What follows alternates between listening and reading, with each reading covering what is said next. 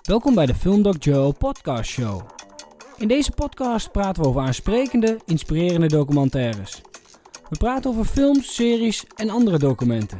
Het is no nonsense, het is rauwe opinie en dat alles in een open dialoog.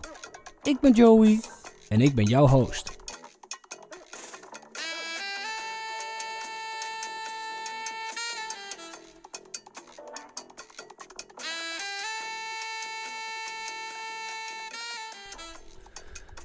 Ja, welkom bij aflevering 7 van de Film Doc Joe podcast show. En het is een feestelijke aflevering, want we hebben niemand minder uh, te gast dan uh, Rowan Nijboer, de podcastkoning van roannijboer.nl. Rowan, stel jezelf even voor.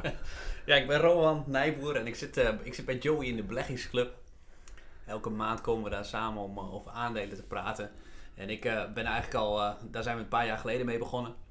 Maar ik ben eigenlijk al mijn hele leven gefascineerd door beleggen. En dat vind ik super leuk.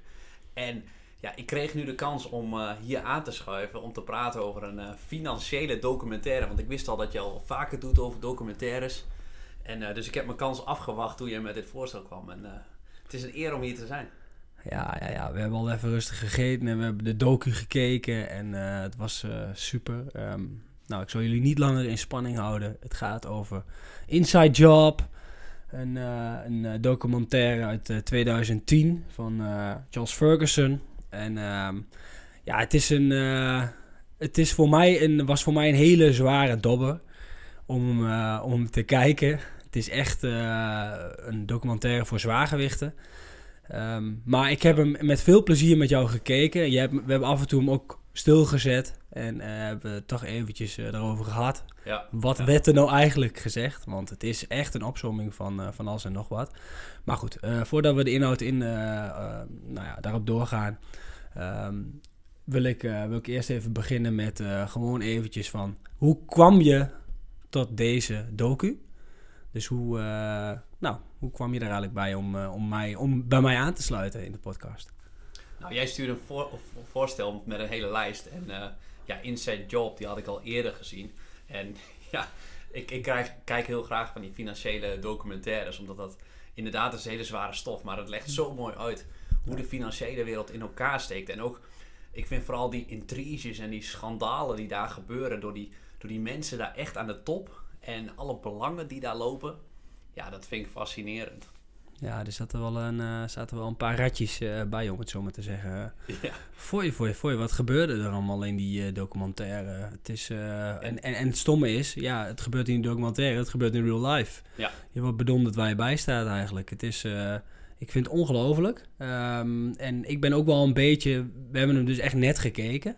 En ik ben echt nog wel een beetje ja, een soort van in shock. Van, uh, dat zijn de mensen die over ons geld uh, gaan eigenlijk. Zij spelen met ons geld. Ja, de banken.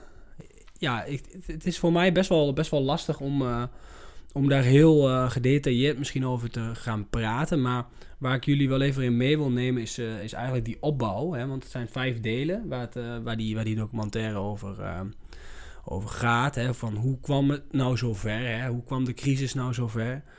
Uh, de zeepbel. Nou, vervolgens gaan ze iets meer in op uh, het vervolg van die zeepbel. Maar ook ja, dat de crisis daadwerkelijk ontstaat. De explosie. Uh, de verantwoording. Ja, wie zijn nou de schuldigen? Ja. En dat waren nogal wat mensen.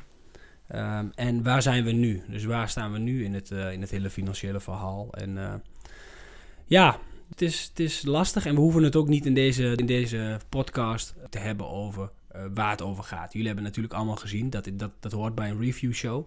Ja. Um, maar we kunnen het wel hebben over van wat doet, wat doet dit met iemand en uh, hoe kijk je nu uh, na het kijken van deze documentaire naar de financiële wereld. Heb jij dan, jij zei al van ik heb hem al een keer eerder gezien, maar ja, misschien dat die impact toen dan wel iets groter was. Voor mij is die impact nu best wel groot heeft best wel, uh, ik ben best wel een beetje ontdaan, hoor je misschien ook wel. Ja, want jij had het er ook over in een van die discussies die we hadden, van dat, dat de financiële crisis gewoon iets is wat ons is overkomen als mens. Terwijl als je die documentaire hebt gezien, dan denk je van, ja, we hebben het eigenlijk zelf veroorzaakt als mens. Ja, ja, we hebben het, ja, we hebben, er zijn, er zijn bewust zijn er dus, ja, dingen ons voorgehouden. heel veel burgers hebben, zijn te goede trouw op adviezen van financiële experts afgegaan. Als het gaat om bijvoorbeeld het afsluiten van een hypotheek.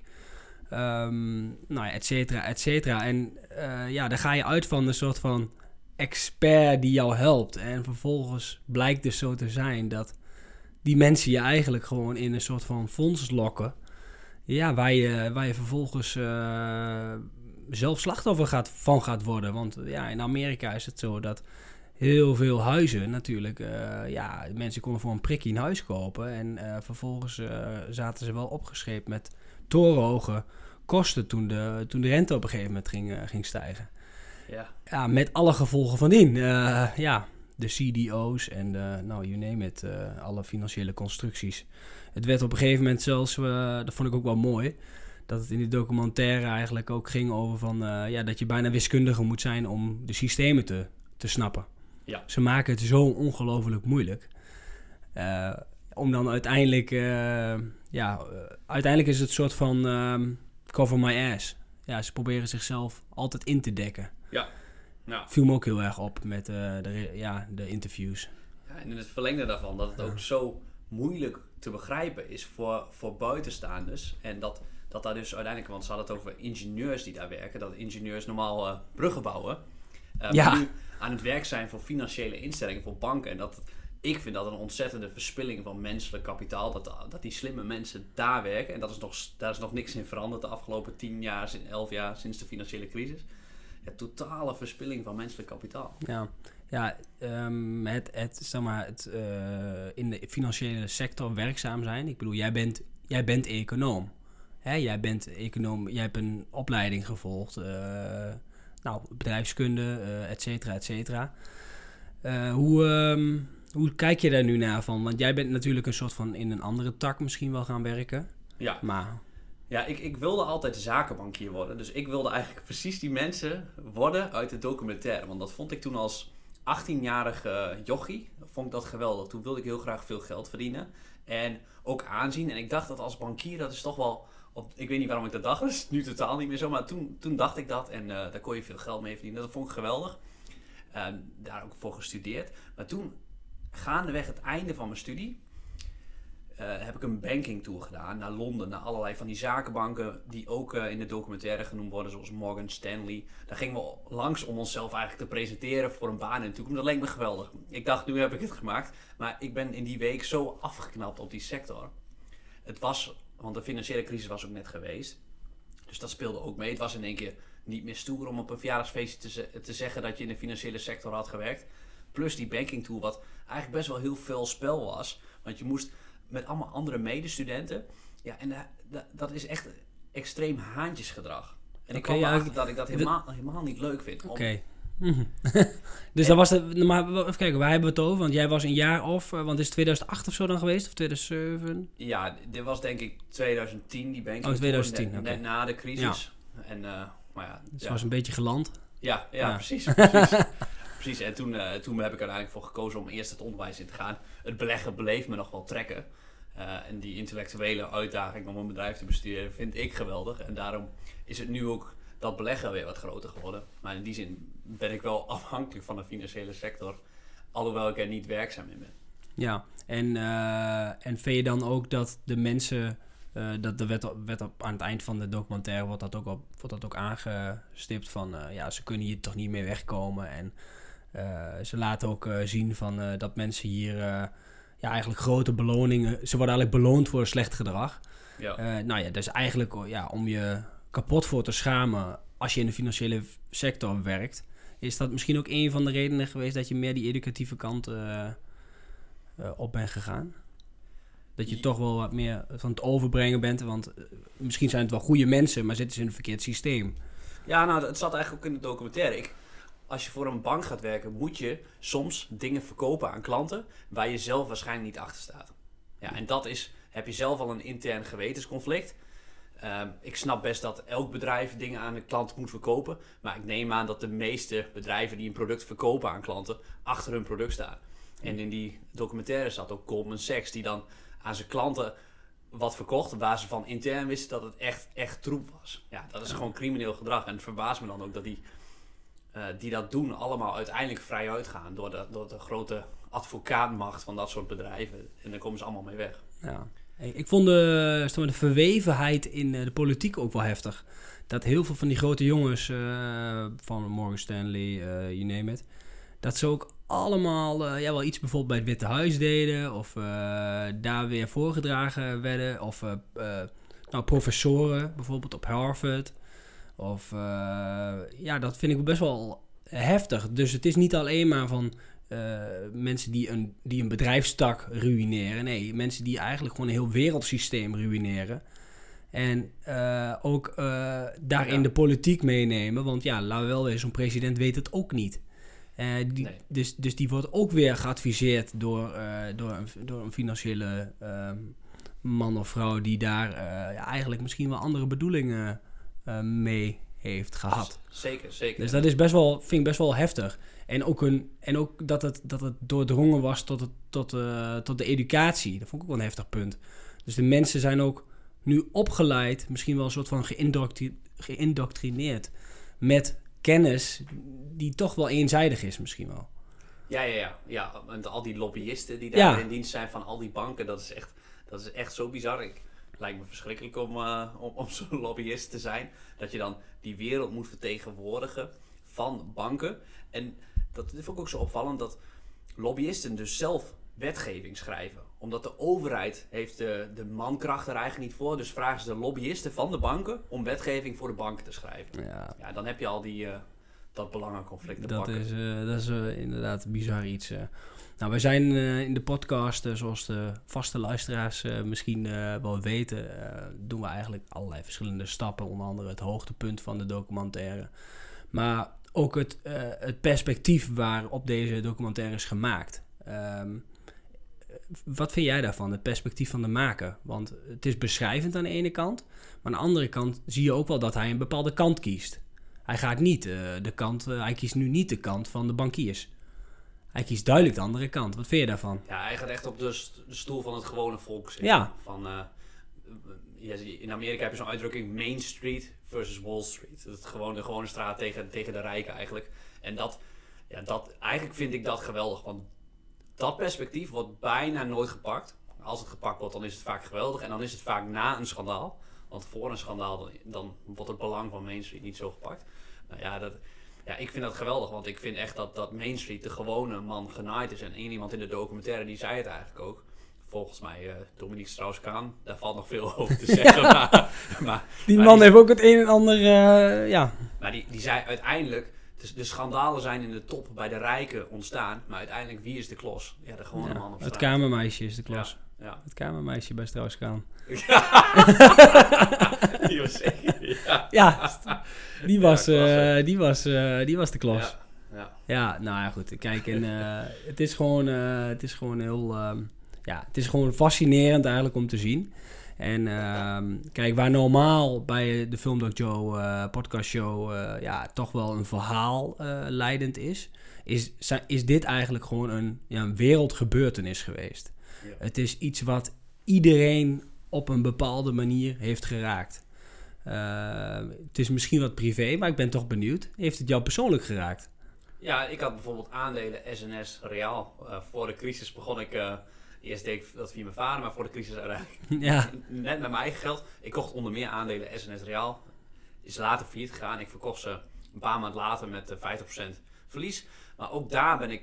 Um, toen was ik al een beetje mijn frictie voor het financiële systeem. Want die CEO, ik zal geen namen noemen, maar als ik hem nog soms in de media zie, dan word ik er nog wel een beetje moe van. Die had ook een soort van grootheidswaanzin. Ook van de bankier en ze wilden internationaal, ze wilden groot worden, heel snel groeien. Als, terwijl een bankier uiteindelijk in de kern is het geld uitlenen, sparen en goed mensen helpen. Een, uh, ja, bijna een utiliteitsfunctie.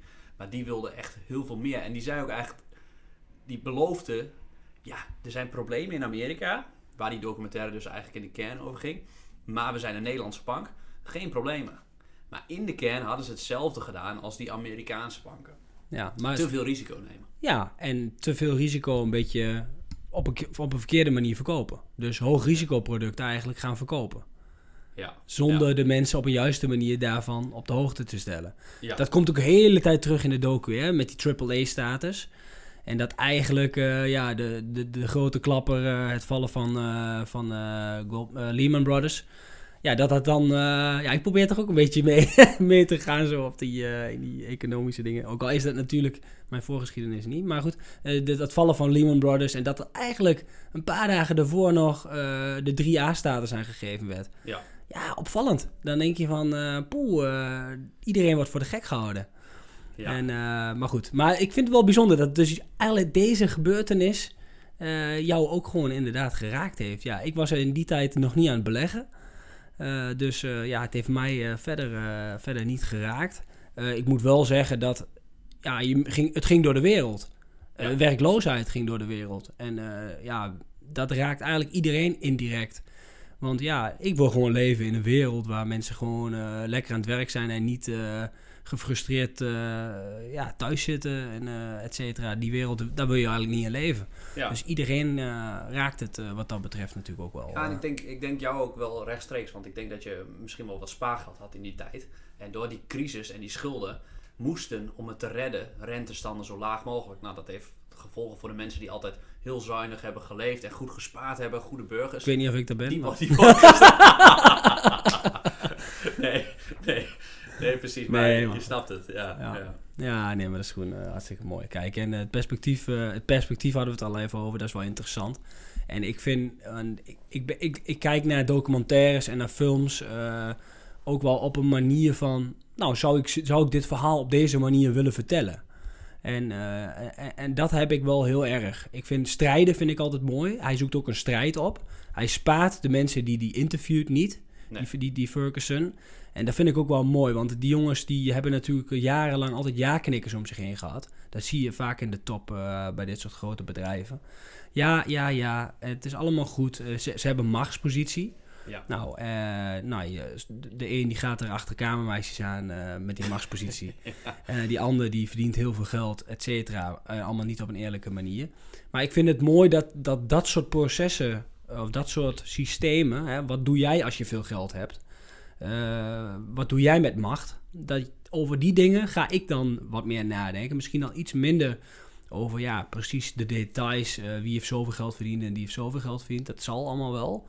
Ik vind dan die eh, processen vind ik heel interessant. Van hoe gaan mensen met macht om? En wat, en wat maakt het systeem nou zo? Ik denk dat de essentie van het systeem echt goed bedoeld was.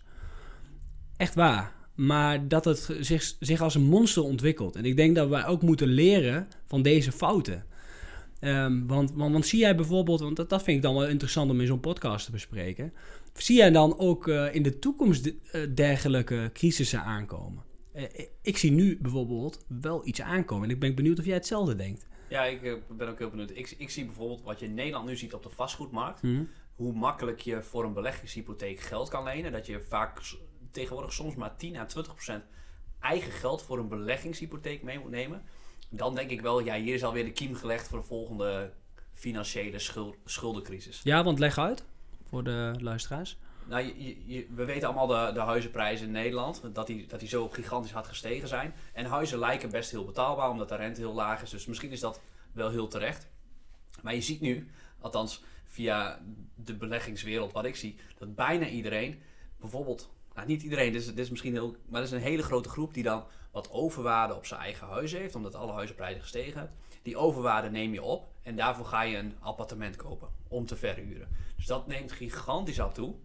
Alleen, ja, dat creëert wel meer schuld in het systeem. En dat gaat goed zolang huizenprijzen omhoog gaan. En dat was ook in eh, aanloop naar de financiële crisis. Die CEO had er zo'n mooie eh, spreuk over. Eh, zolang de muziek blijft spelen, moeten we met dat spelletje meegaan. En zo denken banken nu bijvoorbeeld ook die leningen verstrekken voor die beleggers. Ja, nou ja, ze, ze betalen nog netjes en eh, het- wij verdienen heel veel geld mee, dus we houden dat systeem in stand. Dus je Ja. hebt allemaal partijen die belang bij hebben om dat in stand te Ja. houden.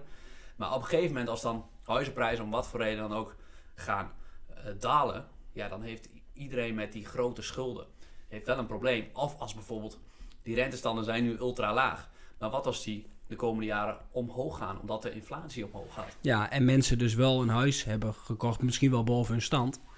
Hè, dat is- zijn ook wel dingen. En dan gaan die, gaat die rente omhoog en dan, ja, dan zit je. Ja. Die huis heeft, het huis heeft wel die waarde. Dus eh, ja, dat is wel een ding. Ja, ik... ik, Ja. ik eh, En ja, waar aan dan? Schuldencrisis. Ja, Ja, ja. Nou, dit is een eh, voorbeeld van... Het is eigenlijk een voorbeeld van schuldencrisis, maar gewoon schuldencrisis in, in een veel breder, eh, bredere con- context. Dat, dat dus geld te veel beschikbaar is. En dat daar misschien te makkelijk over eh, wordt gedacht. Je hebt altijd die stem, geld lenen kost geen geld. Of nee, geld lenen kost geld. Ja, ja. Nou, dan, ja, dat mag wel wat vaker en wat nadrukkelijker eh, gezegd worden. Ik ben bijvoorbeeld ook heel erg voorstander van de, dat ze de aflossings eh, bij, bij, bij hypotheken, het aflossingsvrije, dat ze dat er af hebben ge- Ja. gehaald. Ja, dat was Gewoon iets belachelijks. Helemaal afbetalen. Waarom nou een gedeelte kwijtschelden? Waarom is dat? Nou, kijk, tot, tot een hal, de helft van de waarde aan aflossingsvrij kan ik nog wel komen. Want wat heeft iemand aan dat die 30 jaar lang, dat jij nu 30 jaar lang bent af, aan het aflossen en dan over 30 jaar is je woning afgelost. Maar wat, wat moet je dan? Het is toch, terwijl die woning dan door inflatie waarschijnlijk al twee, drie keer eh, zoveel waard is. Dan, dat vind ik wat overdreven. Maar ik snap het principe dat 100% aflossingsvrij is. Je leent zo'n groot bedrag en je hoeft nooit af te lossen. Wat the fuck? Ja, eh, vind ik bijzonder, eh, bijzonder iets. Maar goed. Maar ehm, ja, nou ja, goed. Kijk, dat zijn dingen die, die interessant zijn om, om, om nu over te hebben. En ook wat ik, wat ik ook heel boeiend vind is ehm, hoe de mensen daarmee omgaan. Dus ehm, we hadden even gegoogeld. Uh, Strauss-Kaan begint een beetje rode draad eh, te worden in deze podcast. wat, wat, hoe het nu met Strauss-Kaan gaat. Dominique. Maar die beste man, die is gewoon op vrije voeten. Uh, Ja. Het is ongelooflijk. Die man, die is, die is vervolgd. Nou ja, het kwijtgescholden of het is Schikking, af... ja. Schikking. Nou, het wordt gewoon afbetaald. Ze komen ermee weg. Dat is initiatief voor de... Ja, en.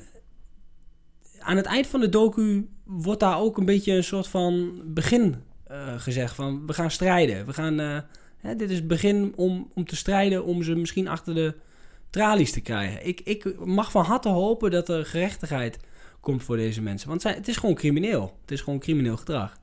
Ja, het is zelfs erger dan crimineel. Je doet of je geen crimineel bent, terwijl je er wel in bent. En een echte crimineel, die doet gewoon nog wel of die een crimineel is als die ergens een inbraak doet. Ja, ja die ook te natuurlijk. Nee, maar je hebt gelijk. En uh, ja, als we nu terugkijken, dan is, is er helemaal niks mee gebeurd. Want die docu kwam uit 2010. Ja. En in die tien jaar is er in die zin in Amerika niks veranderd. In Nederland hebben ze bijvoorbeeld wel bonussen voor bankiers wel echt aan banden gelegd. Nou, dat leidt denk ik tot heel uh, veel voorzichtiger gedrag van bankiers. Ja, ja, ja. ja daar werd uh, volgens mij Wouter Bos nog even genoemd, uh, ook nog in de docu.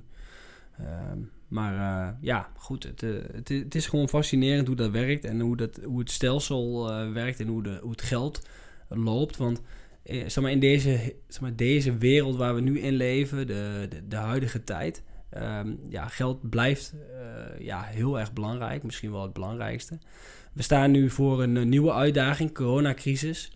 Wat, wat denk je financieel gezien wat daar, wat daar nu de gevolgen van, van zijn? Ja, ik sluit me wel aan met jouw punt dat de schuldenberg die er nu is. Uh, want we hebben zoveel problemen. Dat schuiven we voor ons uit. En het is heel, heel verleidelijk natuurlijk, de politiek, dat ja, het vier jaar aan de macht bijvoorbeeld in Nederland. En dan, je wil dingen niet echt oplossen. Nou, zo zijn er heel veel weeffouten in Europa met de schulden in Zuid-Europa die ze nooit en te nimmer af kunnen gaan betalen. Dus wanneer gaat dan die pijn komen? Ja, dat wordt nu uitgesteld. Ja, want het is toch ook zo dat uh, de schulden van uh, zeg maar de mediterrane landen, zo noem ik ze even, Zuid zuidelijk Europa, uh, die schulden worden toch allemaal door de centrale bank opgekocht. Ja. Um, en, en dan vraag ik me af van volgens ja, ik ben zo opgevoed als je een schuld ergens bij iemand hebt, dan betaal je die af. Ja. Maar waar het nu op begint te lijken, is dat er ook schulden opgekocht worden door die centrale bank, maar die schulden misschien ook wel weer kwijtgescholden worden. Uh, dat heb je bijvoorbeeld bij uh, Griekenland uh, gezien. Ja, waar gaat het naartoe, joh? Wat, wat, hoe, hoe, het kan toch niet oneindig doorgaan? Nee. nee. Nee, maar nee. is dit ook niet een grote bubbel? Is dit ook niet zo'nzelfde systeem waar we in zitten? Is dit ook niet die bom die misschien wel... Dit is gewoon een soort bom, bommetje wat wegge, weggegeven wordt iedere keer. De, iedere keer is de, is de volgende... Uh, het hoofd van de ECB maar weer de, de, de Sjaak of ik, ik weet niet hoe, waar gaat het naartoe? Ja, Ja, we zitten wat mij betreft gevangen in een soort van financieel Armageddon. En dat kan echt uh, een nachtmerrie. Het is, Mooi woord. Het is, het is een experiment wat we eigenlijk sinds de financiële crisis mee begonnen zijn. Dat, dat geld drukken, dat, wat jij noemt dat, uh, dat de centrale banken obligaties opkopen van schuldenlanden. En zo die, die landen eigenlijk overeind houden. Dat is allemaal een experiment. En nu sinds corona is dat nog veel, veel extremer geworden. Omdat ze geleerd hebben van de financiële crisis. En dat toen eigenlijk misschien nog te, te langzaam hebben gedaan, te beperkt. En nu vol die bezoeken hebben aangezet eigenlijk. Ja, ja en dat, hoe dat gaat aflopen weet ik niet. Alle economieboekjes die voorspellen dan heel veel inflatie in de toekomst. Omdat ja, hoe meer geld er in de economie komt, hoe meer inflatie je krijgt.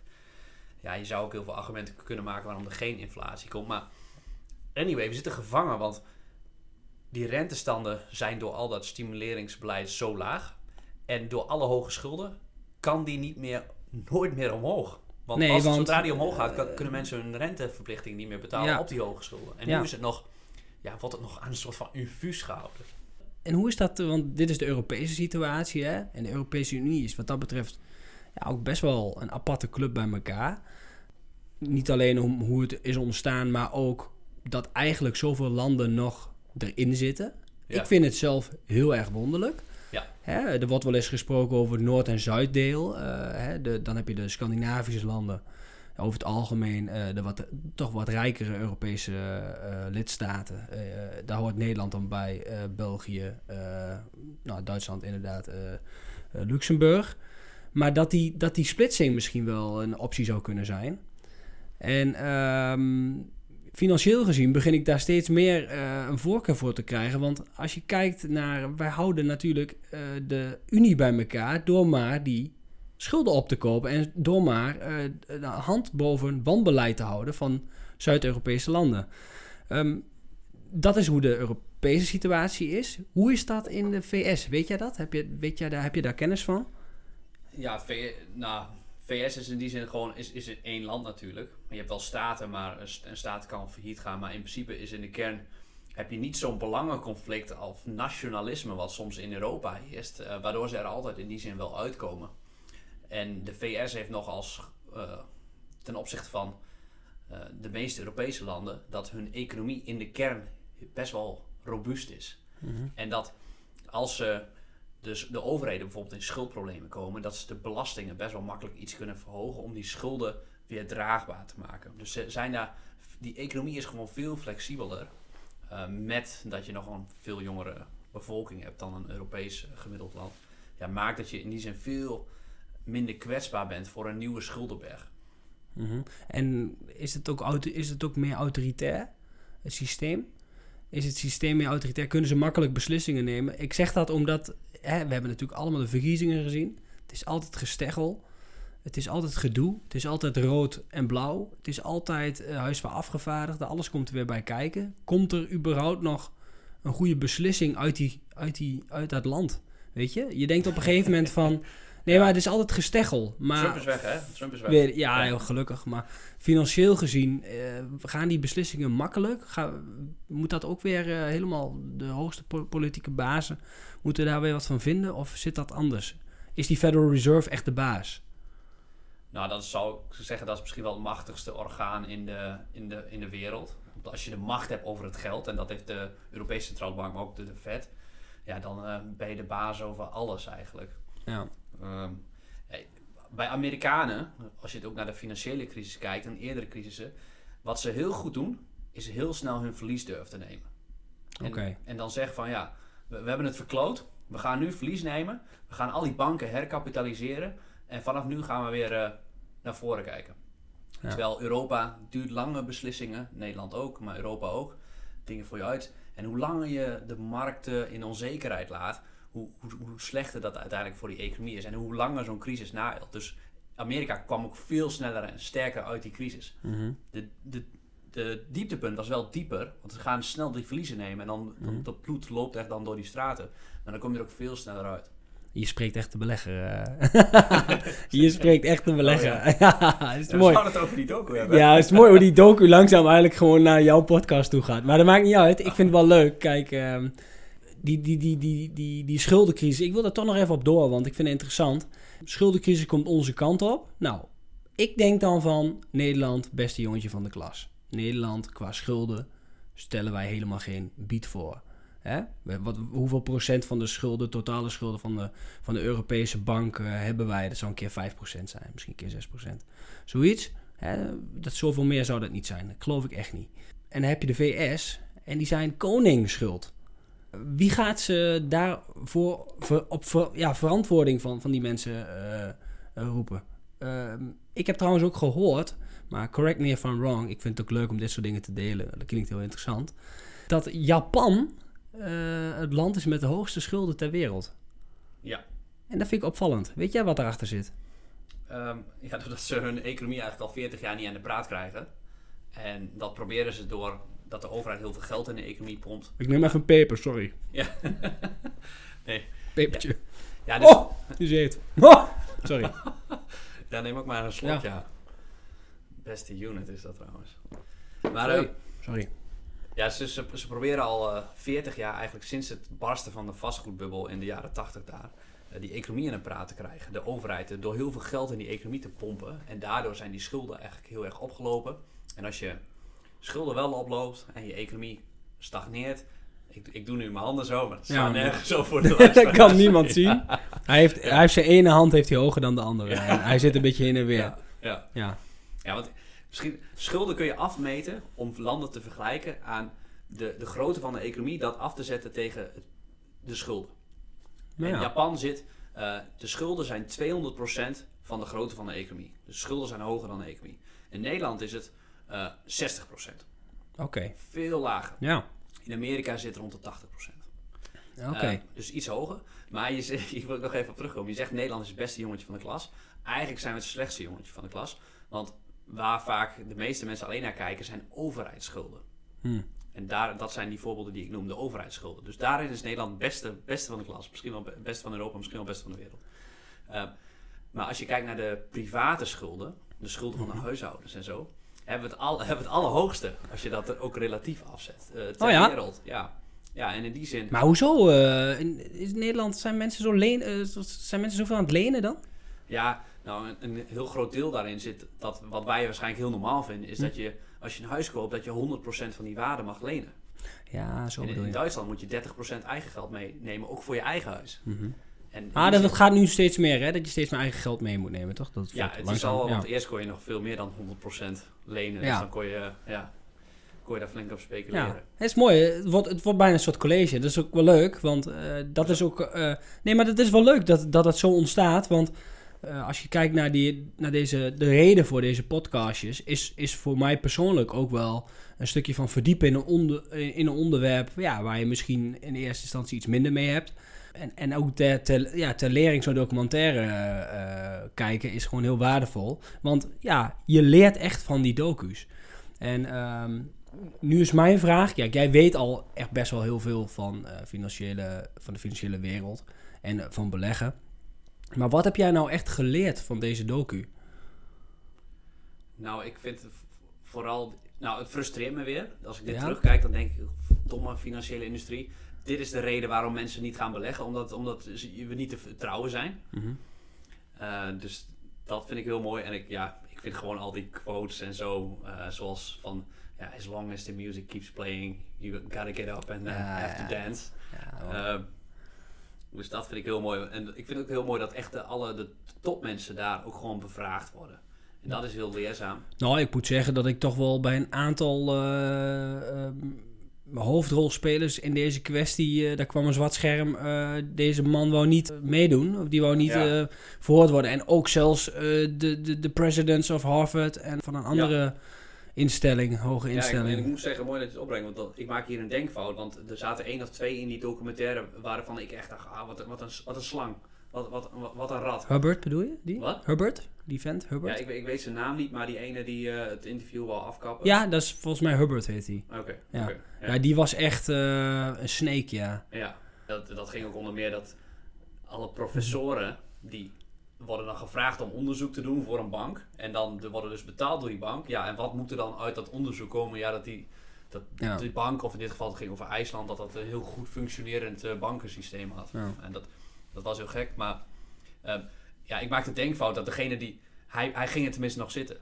En die Ja. anderen die, die gingen op zwart, die willen niet, eh, die willen niet komen. Ja, Ja, dat, vind ik veel ook. erger. Ja, dat vind ik ook wel eh, triest. Ik, Wat nee. vond jij dan het meest, het meest fascinerende? Het meest fascinerende. eh, of wat ik ervan, het meest wat ik ervan kon leren. Doe die eerst maar. Doe die eerst maar. Ja, die vind ik Ehm, wat ik erg leerzaam vond, was eh, eh, het ontstaan van eh, de crisis. Dus eh, hoe die opbouw. Dus die opbouw, dat die, dat die systemen zo op een gegeven moment ja, destructief werken, dat dat niet op een gegeven moment niet tot het einde der tijden door kan gaan. Dat het op een gegeven moment genoeg is en dan zie je dat het als een kaarthuis ja, in, inklapt en eh, dan is er ook geen houden meer aan. En eh, en het inzicht wat, wat deze documentaire mij ook heeft gegeven, eh, is dat, dat zoiets, dat de Amerikaanse economie echt gewoon zo bepalend is voor de rest van de wereld. Dat het zoveel invloed heeft. Ja, ze lieten wat fragmenten zien van China en van, van het Europese, ja, de werkloosheid in Europa. Ja, en dan denk je van, wow, het heeft gewoon eh, overal komt het in terug. En dan, ja. ja, dan zien we dat we met z'n allen ja, we hebben ooit is, hè, daar hebben we het voor, in de voorbereiding hadden we het er ook nog even over. Voorbereiding eigenlijk tijdens de docu. We, hadden geen, we hebben geen voorbereiding gehad. Maar uh, daar hadden we het op een gegeven moment over van überhaupt het fenomeen geld. Weet je wel, überhaupt het fenomeen dat, dat mensen dus geld betalen om iets te krijgen. Wij hebben dit met z'n allen bedacht. We hebben het geld betalen hebben we bedacht, want het is, was handig. Ja. Daar kun je goederen mee halen. Je hoeft niet alles met ruilverkaveling te doen of ruilhandel. Ja, en dan zie je eigenlijk dat de mensen zo'n puinhoop van maakt. Ja, en dat, dat doet zo'n uh, docu ook uh, bij mij. Dan denk ik, jongen, jongen, het zijn ook echt allemaal lullo's. Ja. Het zijn allemaal, ja... Ieder voor zich. Heel individueel.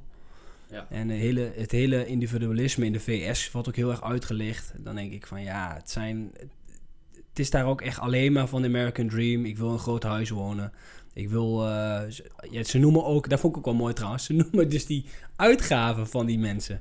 Van een, en een private jet, en, en vijf huizen, en 131 uh, miljoen meekrijgen als je ontslagen wordt eigenlijk. Ja, het is van de zotte. Ik vind het echt hilarisch.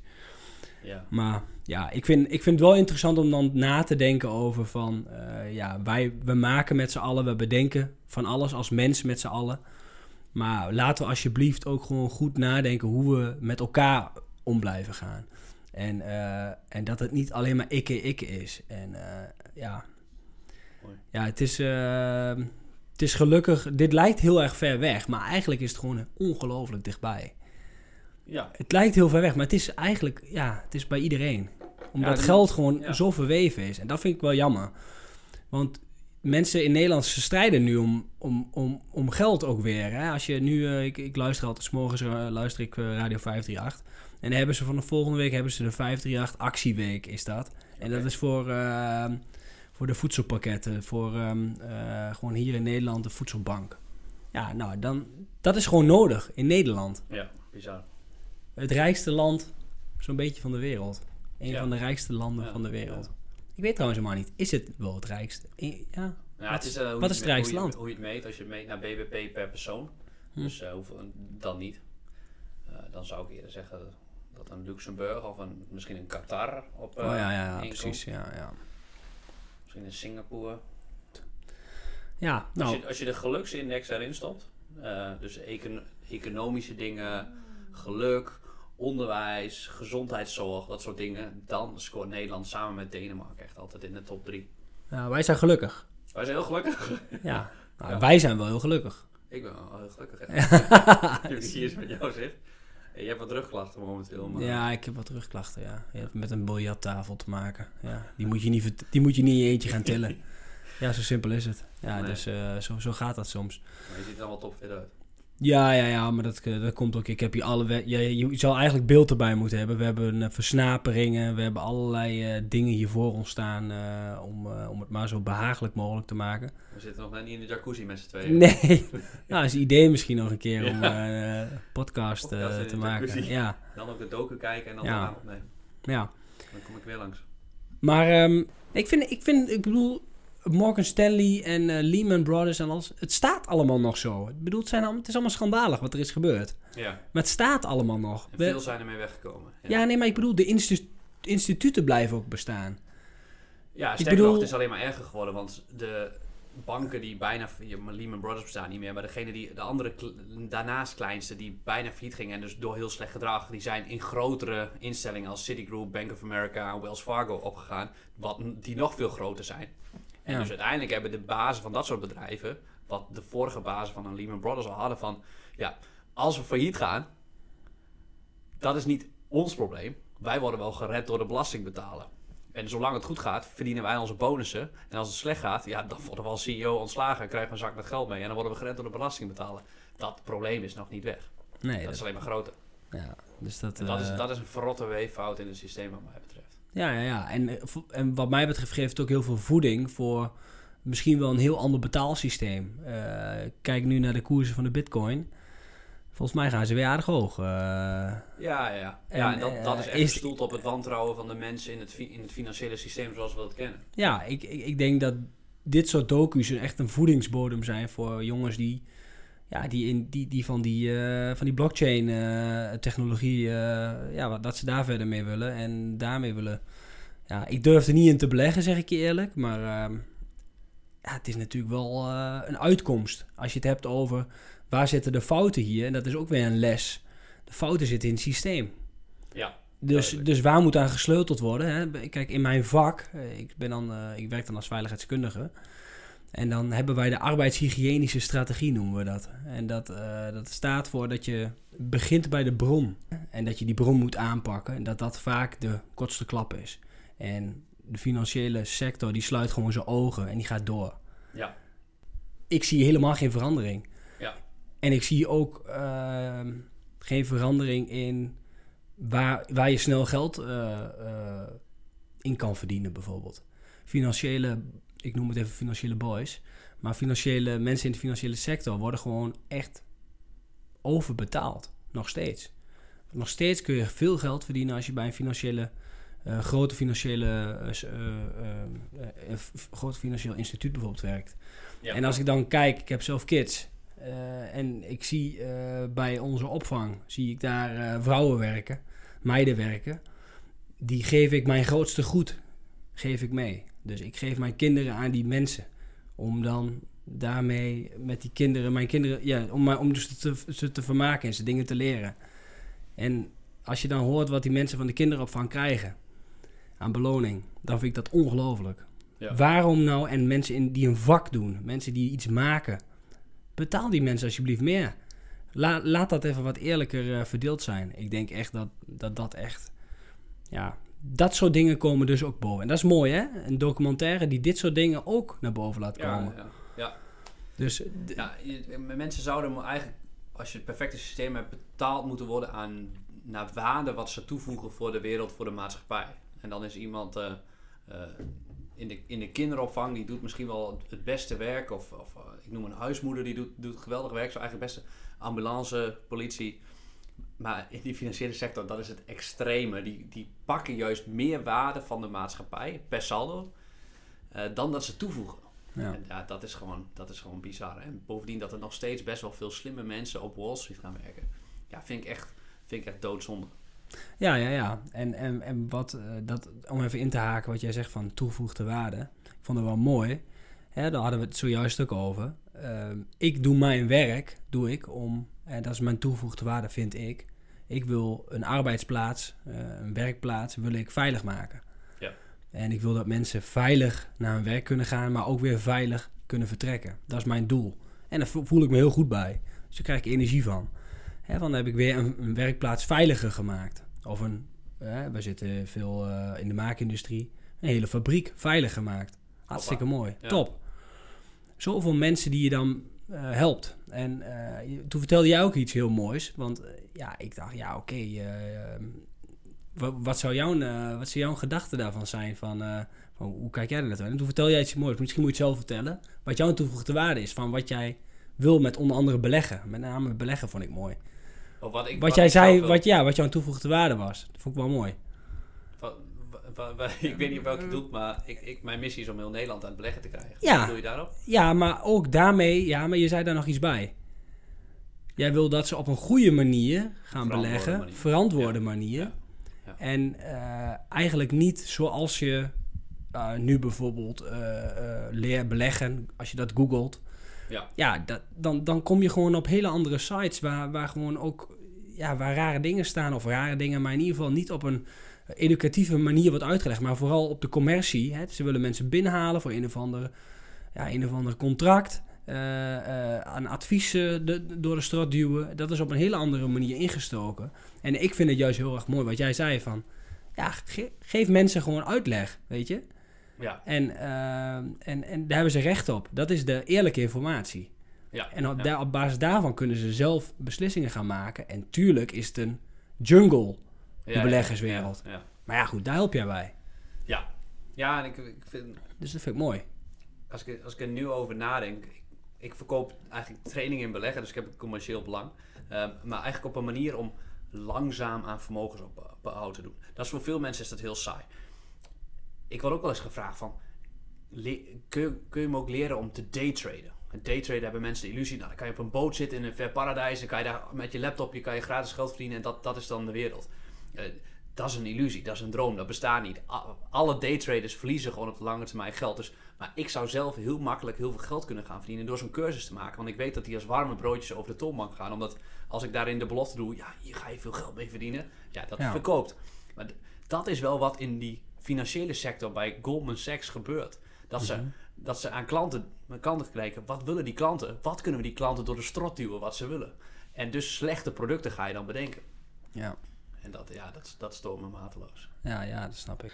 Maar ik vind het wel moeilijk hoor, want ik, ik weet ook niet zo'n oplossing uit dit, als het weer terug naar die documentaire gaat. Van er is dus niet veel veranderd sindsdien, sinds 2010.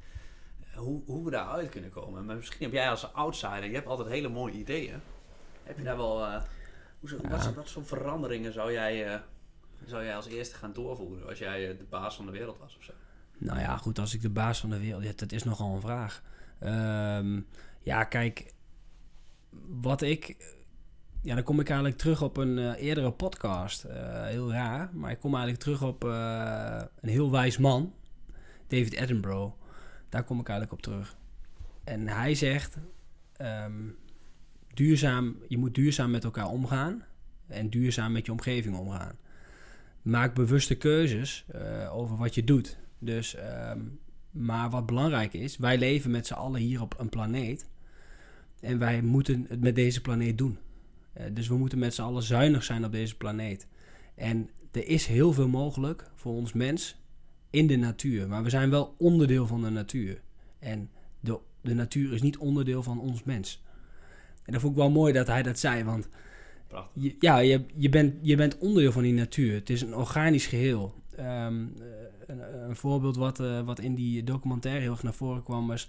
Dat, dat, dat, is, een, eh, dat is een klein eilandje eh, vlakbij Maui ergens, bij, eh, bij in Hawaii volgens mij ergens. Die, daar hebben ze, hadden ze heel veel problemen met, met vissen. Daar hadden ze te weinig vis. Door overbevissing. En toen hebben ze gezegd van, we laten de natuur zijn gang, zijn gang gaan. Hebben ze een gedeelte, hebben ze helemaal, hebben ze gewoon verboden dat daar gevist mocht worden. Eh, hebben ze alles eraan gedaan om dat, om dat te beschermen. De natuur kon zichzelf herstellen, want dat kan namelijk nog gewoon. Die natuur kan zich herstellen. Is veerkrachtig. Nog steeds, is Ja. veerkrachtig. En die, dat ecosysteem en die biodiversiteit is daar teruggekomen. En die, en die bevolking die is helemaal zelfredzaam geworden. Dus die regelt alles daar. En als je op een eiland woont, dan zijn vaak mensen die op eilanden wonen, die zijn vaak ook heel zelfstandig. Die moeten Ja. zichzelf redden. Die hebben geen hulp. En eh, op dat eiland is dat ook- ook gebleken. En ehm, dat vind ik zo mooi van eh, die Attenborough, die laat dat dan op zo'n mooie manier zien. En ik denk dat dat, eh, als, ik, als ik het voor het zeggen zou hebben op de wereld, en om even terug te komen op jouw vraag, dan zou het zoiets zijn van, hè, zorg nou dat die biodivers- biodiversiteit goed is, dat het ecosysteem goed blijft, dat mensen, mens, dier eh, en natuur in harmonie samenleeft. En eh, de financiële sector hoort daar zeker bij, want we hebben het gecreëerd en we kunnen niet meer zonder. Maar eh, eh, ja, dan is het wel op een manier eh, dat het voor iedereen duurzaam is. Daarom denk ik dat het, eh, de term duurzaamheid ook heel erg doorgaat eh, of hot gaat zijn de komende jaren. Niet alleen in de beleggerswereld, maar Ja. ook in, eh, in eigenlijk de hele wereld. Dus ja, duurzaamheid. Mooi. ja, Maar als ik dit zo doorvertaal, ik vind het een hele slimme opmerking namelijk. Want vroeger was het ook zo, als je dan weer terug naar die doken gaat, dat al die banken waren eigendom van bijvoorbeeld families en zo. Nou, een familie zorgt gewoon heel goed, die wil ook zijn klanten goed behandelen, want die, die bank moet 100 jaar meegaan. Dus die denkt generaties vooruit. En toen werden al die banken beursgenoteerd. En eh, wat dus eigenlijk leidt tot korte termijn gedrag en zo. En dat heeft heel veel van die eh, incidenten veroorzaakt. Dus misschien zou je ook kunnen stellen, ik weet niet, zouden dan al die financiële instellingen niet eh, weer in overheidshanden moeten zijn? Want het is lastig om ze natuurlijk terug te brengen aan families en zo. Dat is, eh, ja. Als het, een, als het in overheidshanden zou vallen, laat het dan een daadkrachtige overheid zijn. Niet dat ik stuur nu op een totalitaire dictatuur of iets, maar het gaat wel om daadkrachtigheid. Eh, want je ziet ook eh, in alle, nu met corona bijvoorbeeld, zie je het ook, hè, eh, waar een daadkrachtige regering zit, die maatregelen durft te nemen, daar zijn, de, daar zijn de gevolgen het kortste. Dat is in dit geval even China. ja, ja, ja, Ja, dus kijk, daadkracht is dan belangrijk. Dus het is log, maar daadkrachtig. Ja. Nou, dat is in China het geval. En ik denk dat als je het hebt over iets, als, iets wat zoveel mensen aangaat, dan kun je beter iets logs en eh, daadkrachtigs creëren. In plaats van te veel polder, te veel achterkamertjes, te, te veel kansen op ellende. Want dit is het. Dat zijn kansen op ellende, achterkamertjes. En dan zijn we als Europa echt de klos dus. Klopt, want wij, wij en, en Nederland zeker, want wij hebben polderen uitgevonden. Eh, dus, de, dus ja, de, het, het iets logger eh, financiële. Ik, ik, daarom ben ik dus. Kijk, je hebt 1 euro. Laat er ook maar één bank over gaan. Eh, en laat, het on, dan, laat die bank het maar gewoon regelen, organisatorisch. Dus Ja. waarom, daar, waarom daar marktwerking? Waarom? Laat dat maar gewoon één, één bank zijn.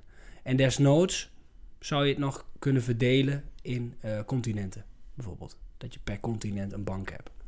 Heel interessant Ja. om het zo te doen. Ja, ja, ja. Krijgt dan wel weer het andere van kapitalisme. Van, er is geen concurrentie, dus normaal als er geen concurrentie is, er altijd toe dat, dat de consument, dat de klant genaaid wordt. Ja, ik denk dat het hele kapitalisme dan eigenlijk ook aan de tering gaat. en laten we Ja. dan... Ja, nou ja, goed. Laat dat een mooie afsluiter zijn. Ja. Ehm, maar eh, aan het eind van, eh, van, de, van de Film Doc Joe eh, podcast show heb ik het ook altijd even over waardering. Jij hebt het altijd over waardering in jouw podcastjes. Maar ik ook. waarderen. ja, ja. wa- ja, aandelen waarderen. Maar ik heb het over waardering in, Oké. in, in de vorm van een cijfer voor, eh, voor, de, voor, de, ja, voor de docu. Ehm, en een indeling in een genre. Als jij hem in zou delen, want ik maak allemaal lijstjes.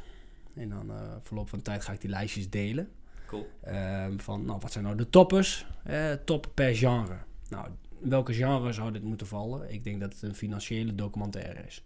Ja. Voor nu, omdat we nog niet zo heel veel afleveringen hebben, hou ik het even op. Het is een documentaire. En ehm, dan mag je hem een cijfer geven, Rowan. ja, ik geef hem een 10. Jij geeft hem een 10. Ja, voor, Zo! voor mij is het pure entertainment. Ja, jij was ook echt aan het smullen. Jij was ook geen moment afgeleid. Dan door je Eh, kinderen af en toe die, eh die ja. bij me schreeuwen. Klopt. ja, nou, ik, Prachtig. kijk, ik, ik ben eerlijk. Het was, het, is het, wel, het was echt wel te moeilijk voor mij. Ik vond het echt wel pittig. Ja. ja. Ehm, maar goed, je hebt me er wel doorheen geholpen. En eh, het heeft mij zo pratende best wel veel lessen eh, geleerd. Dus dat ben ik best wel, vind ik best wel waardevol. Dus dat, eh, dat krijgt dan voor mij een 7. Dus nou, een 7 en een 10 maakt 17. Dat Nou, is goed. 8,5. Dat is kassa. Eh, Oké. Nou, 8,5 gemiddeld. En de bankiers in de serie, wat voor cijfer krijgen ze? Daar, is geen, daar kun je geen cijfer voor bedenken. Foei, heel verschrikkelijk. Maar eh, ik dank jullie allemaal. En, en jullie weten het. Blijven kijken, blijven denken, blijven praten.